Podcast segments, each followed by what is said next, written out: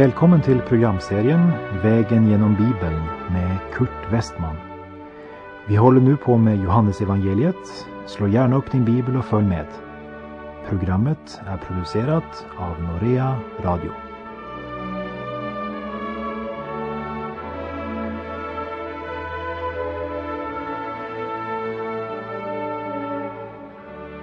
Vi har nu kommit till Johannesevangeliets nionde kapitel. Förra programmet handlade om de judar som kommit till tro på Jesus och som Jesus försökte förmå att förbli i hans ord. Ordet skulle då öppna deras ögon så att de skulle lära känna sanningen. Och sanningen skulle göra dem fria. Det vill säga, han talade till sådana som hade bekänt sig som kristna utan att ha kommit igenom till liv i Gud. Men han fick inte lov att öppna deras andliga ögon. De stod inte ut med att höra Jesu undervisning. Kapitel 9 som vi nu har kommit till handlar om hur Jesus öppnar en mans ögon rent fysiskt. Du kanske minns ifrån början av Johannes åttonde kapitel där Jesus undervisade om att han är världens ljus. Och händelsen vi nu ska läsa om är verkligen en fortsättning på undervisningen om världens ljus. Det ljus som Jesu fiender inte kunde se därför att de var andligt blinda. Den blinde mannen kunde inte heller se världens ljus även om han stod mitt framför honom. Men Jesus kommer att uppenbara sig för honom. Först måste den blinde få sina ögon helade. Ljuset måste mottas. Det måste vara både en mottagare och en som sänder ljuset. Att man inte kan se betyder inte att det inte är ljus. Ljuset avslöjar ögats egenskaper. Världens ljus avslöjar hur det står till med själen. Fariseerna trodde att de såg, men de var blinda. Det berättas om en gruvexplosion i West Virginia där några män blev inspärrade i ett totalt mörker. När räddningsmanskapet nådde fram med en lampa till dem sa en av de instängda Varför tänder ni inte lampan då? De andra såg förundrade på honom men så förstod de att explosionen hade gjort honom blind. Så länge han var i mörkret visste han inte att han var blind. Det var ljuset som avslöjade både för honom och för det andra att han var blind. Det är det Jesus menar här i Johannes 9.39 när han säger Till en dom har jag kommit hit till världen för att det som inte ser skall se och det som ser skall bli blinda. Det är vårt ansvar att nå ut med Guds ord, evangeliet om Jesus men att öppna människohjärtat och få människan att inrätta sitt liv efter Guds ord, det är den helige Andes uppgift. Vi borde i tid och otid presentera världens ljus för människorna. Men den helige Ande måste öppna ögonen. Det är det som Andra Korinthierbrevets andra kapitel talar om i verserna 15 och 16. Ty till Guds ära är jag en Kristusdoft bland dem som räddas och bland dem som går förlorade. En doft av död till död för dem som går förlorade. Av liv till liv för dem som räddas. Vem förmår något sådant? Det betyder att vårt vittnesbörd kanske var lika mycket smörjt av Guds ande när personen inte blev vunnen för Kristus som när han blev det. Vår kallelse är endast att sättet i ljusstaken. peka på Kristus, världens ljus. Den ene säger, vilket då ljus? Jag förstår inte vad du pratar om. Och vi kan inte annat än beklaga den stackars människan som är blind. Men en annan säger, tack för att du visade mig ljuset. Jag som förr var blind, nu kan jag se. Vi läser i Johannesevangeliets nionde kapitel, vers 1. Där Jesus kom gående fick han se en man som hade varit blind från födseln. Även om det här sker vid en tid efter undervisningen där Jesus hade förkunnat att han var världens ljus, så ser vi sammanhanget mellan det budskapet och den blinde mannen som Jesus nu möter. Och vi ska lägga märke till att detta är det enda under skriften återger där Jesus helar en fullständigt blind man. Vers 2.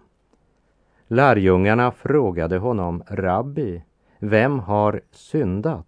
Han själv eller hans föräldrar eftersom han föddes blind? Lärjungarna vill få fastställt orsaken till den här sjukdomen. De vill diskutera vems fel det är, vem som har syndat. Bland hedningarna så trodde man den gången, liksom somliga gör än idag, på reinkarnation. Och man menade att en sjukdom kunde vara resultat av synder man hade begått i ett tidigare liv. Judarna godtog aldrig den hedniska förklaringen. Sedan var det läran om ärftlighet där man menade att synder som fäderna begått kunde slå ut på barn i tredje och fjärde led. Och då tänkte man på orden i Andra Mosebok 20 om att Gud är en nitälskande Gud som hemsöker fädernas missgärning på barn och efterkommande i tredje och fjärde led när man hatar mig. Vi vet att det kan vara möjligt att blindhet är en frukt av föräldrarnas synd. Sedan var det förklaringen som talade om att Adams synd, som efter syndafallet smittat alla människor, så att vi alla är underlagda död och sjukdomar. Och slutligen var det förklaringen av de rabbiner som trodde att ett barn kunde synda i sin mors liv. Vi ska inte förneka att sjukdom kan vara ett straff för bestämda synder. Inte heller förneka att föräldrarnas syndiga liv kan gå ut över barnen. Och att ett utsvävande liv kan få konsekvenser som måste skördas redan här i tiden. Men med det så får inte vi tänka att all sjukdom skulle vara ett straff för synd. Jobs vänner, de tänkte så. Men de tänkte fel i hans tillfälle. Även om deras tankegång inte i princip var oriktig. Men en i princip rätt teori, given till fel person, blir en dubbel börda för den lidande. Just eftersom det har skenet av att vara en rätt teologi. Det har ofta skett när människor i köttet har uttalat sig i andliga frågor i enskilda människors liv. Och en erfarenhet vi gjort, antingen i vårt eget liv eller genom något som hänt andra, det kan inte automatiskt överföras till en annan människa. Hur stor erfarenhet vi än må mena oss ha, må vi aldrig förlita oss på den men i varje enskilt tillfälle utbedja oss visdom från Gud så att vi får Guds svar på den aktuella situationen. Och när vi inte har fått något svar så måste vi ha både ödmjukhet och mod att erkänna och säga jag vet inte. Lärjungarna trodde att de visste. De såg två möjligheter. Det enda de menade att de behövde hjälp med var att få besked om vilken av de två svaren som var det rätta. Vi läser verserna 3 till och med 5 i Johannes 9. Jesus svarade, varken han eller hans föräldrar har syndat. Men Guds gärningar skulle uppenbaras på honom. Medan dagen varar måste vi göra hans gärningar som har sänt mig. Natten kommer då ingen kan arbeta. Så länge jag är i världen är jag världens ljus. Lärjungarna gav Jesus två alternativ. Är det han själv som har syndat eller eh, är det föräldrarna? Jesus gav dem inte det svar de hade önskat. Han säger att det viktiga är inte att rota i det förgångna och försöka finna ut vem som är den skyldige. Jesus är mera upptagen av personen, vare sig han är blind eller seende. Lärjungarna är mer upptagna med frågan varför. För eh, dem så var lyckan visst en självklarhet. Men sjukdom och lidande, det var något som måste förklaras. I Jesaja kapitel 55, verserna 8 och 9 säger Herren Se, mina tankar är inte era tankar och era vägar är inte mina vägar, säger Herren. Nej, så mycket som himmelen är högre än jorden, så mycket är också mina vägar högre än era vägar och mina tankar högre än era tankar. Gud har sin plan, sin väg, sin gudomliga visdom. Och han berättar inte alltid för oss varför han handlar som han gör. Han ber oss att vandra med honom genom de mörka och djupa dalarna i vårt liv. Inte med Judas inställning, han som eh, följde med Jesus för att tjäna på det. Men följa honom därför att han är värd att följa. I medgång och motgång. I hälsa och sjukdom. När hans vilja är uppenbar för vårt hjärta och när vi inte förstår hans väg. Gud är ljus och det finns inget mörker i honom. Gud är god och om vi förblir i hans ord ska vi lära känna sanningen och sanningen ska göra oss fria. Och all annan frihet är falsk. Så min eh, kära vän, låt oss vandra genom livet i gemenskap med Gud, oberoende av vad det ser ut att kosta oss.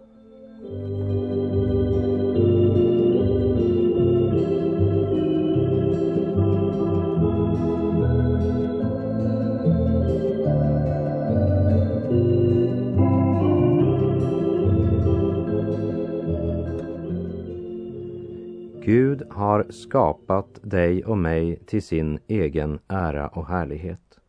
Han skapade inte oss för att vi skulle försöka att bli någon eller något här nere. Han skapade oss till sin ära. Och har inte vi det klart för oss missar vi hela meningen med skapelsen. Och dessa prövningar, svårigheter och lidanden, de möter oss därför att de uppenbarar Guds härlighet. När den blinde mannen blir botad uppenbaras Guds härlighet. För den blinde mannen kommer inte bara att börja se, och du kan ju tänka dig hur fantastiskt han ska glädja sig över att kunna se resten av livet. Men han kommer också att få se Jesus Kristus och lära känna honom som sin frälsare. Och vi ser i vers 5 att Jesus återvänder till sitt ursprungliga uttalande om världens ljus när han säger Så länge jag är i världen är jag världens ljus. Efter syndafallet lever vi i en natt som gjort hela mänskligheten blind. ingen kan se. Kristus är det andliga ljuset i vår värld och utan honom är alla blinda. Men så länge som han är i världen så är han världens ljus. Och han är fortfarande här genom Guds helige ande och ordet. Och om inte Guds son genom ordet och anden öppnar våra ögon så att vi kan se tillvarons andliga verkligheter så förblir vi blinda dårar. Som Gud själv uttrycker det i den fjortonde saltarsalmen. Dårarna säger i sina hjärtan, det finns ingen Gud. Och vi läser från Johannes 9, verserna 6 och 7. Sedan spottade han på marken, gjorde en deg med spottet och strök degen på mannens ögon och sade Gå och tvätta dig i Siloadammen. Siloa betyder utsänd. Mannen gick dit och tvättade sig och kom tillbaka seende. Kristus måste ge den blinde mannen ett vidrörande och den blinde mannen måste åtlyda Kristus. Kristus måste röra vid vår andliga vision och skapa nytt liv i vår andliga optiska nerv. Det är inte frågan om vem som har syndat. I Romarbrevet 3.23 står det Alla har syndat och gått miste om härligheten från Gud. Om inte Kristus har vidrört dina ögon så är du blind. Det är så många människor i våra kyrkor och församlingar idag som är blinda utan att veta det.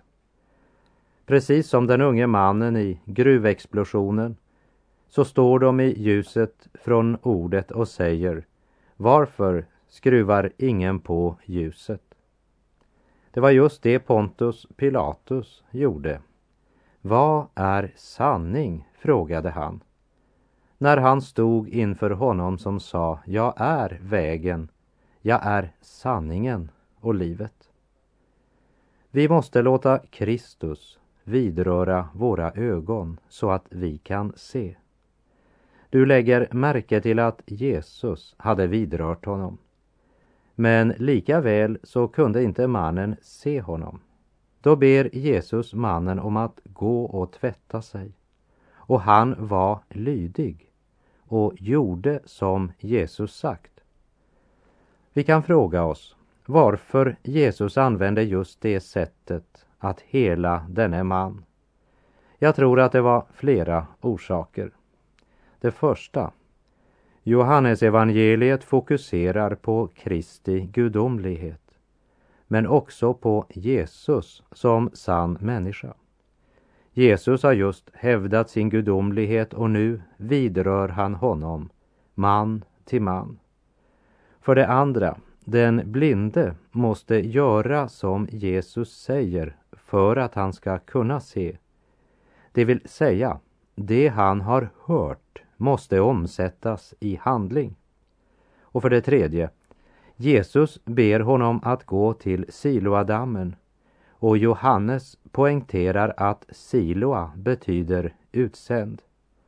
Till och med namnet på dammen vittnar om att Jesus är utsänd från Gud. Och det fjärde, mannen var beroende av vattnet för att kunna se. På många ställen i Bibeln så representerar vattnet Guds ord. Jag vet att det finns många olika saker som kan väcka en människa. Men det är min fasta övertygelse att det aldrig kan bli någon verklig omvändelse utan Guds ord. Saltaren 119, vers 130 säger När dina ord öppnas ger det ljus och skänker förstånd åt det enfaldiga.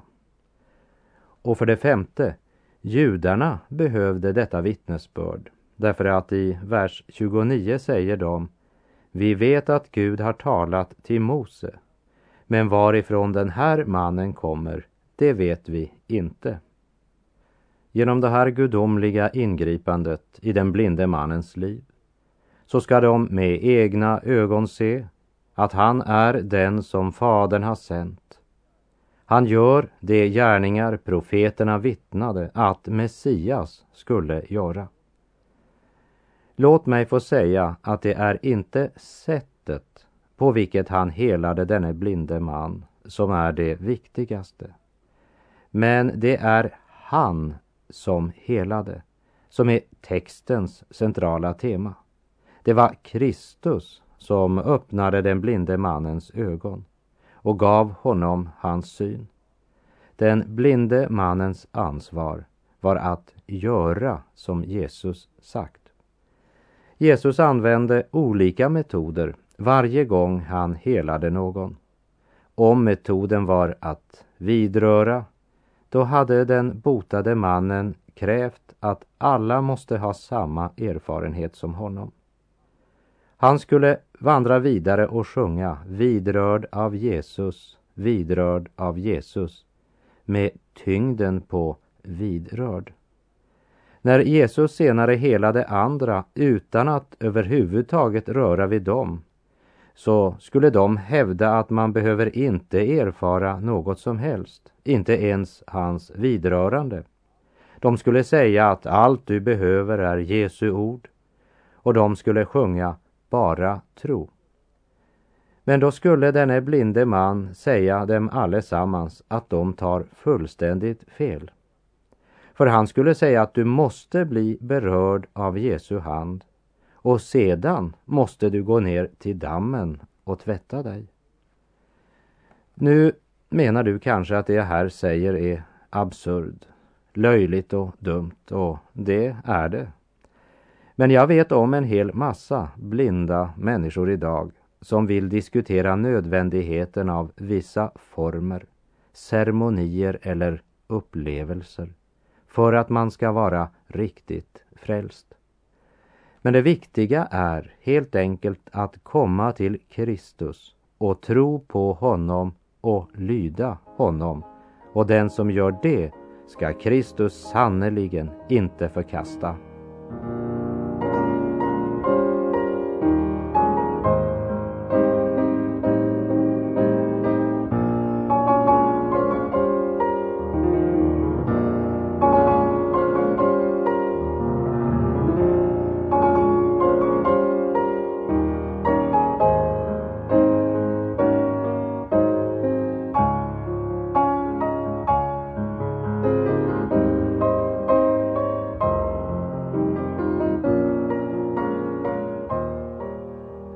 Nu ska vi för ett ögonblick se på hur den blinde mannens situation liknar vår innan vi får del i frälsningen.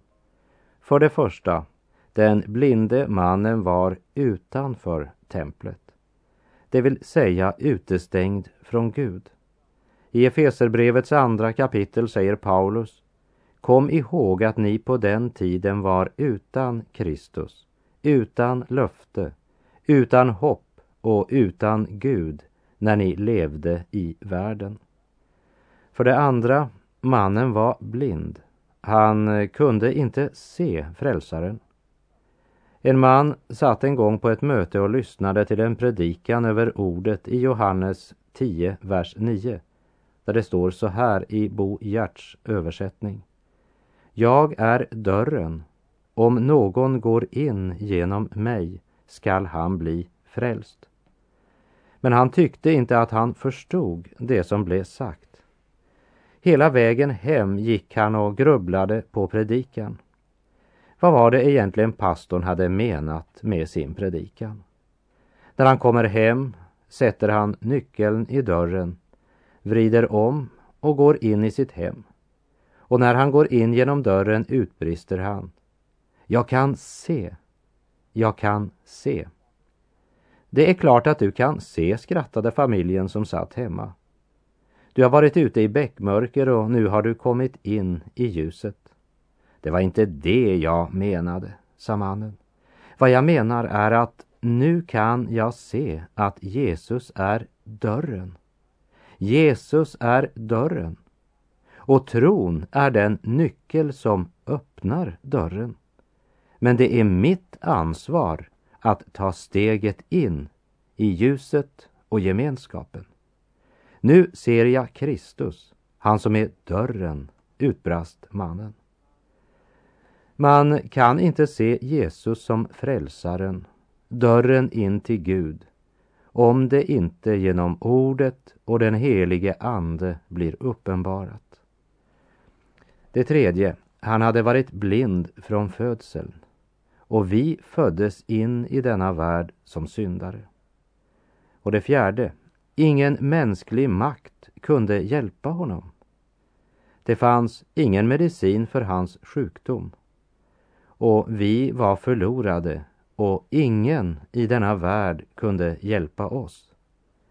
Det femte, den blinde mannen var en tiggare. Det är det som så många människor stöter sig på. De vill varken vara eller erkänna att de är tiggare. De skulle så gärna betala något för frälsningen, men den är inte till salu. Den som vill ha del i frälsningen måste komma till Gud som denna tiggare. Gud skänker bort det. Det är gratis. Men det var allt annat än billigt för Gud. Tiggaren hade aldrig kunnat köpa sig frälsning, för han hade ingenting att köpa för. Men hos profeten Jesaja kapitel 55 står det i den första versen Upp, alla ni som är törstiga, kom hit och få vatten. Och ni som inga pengar har, kom hit och hämta säd och ät.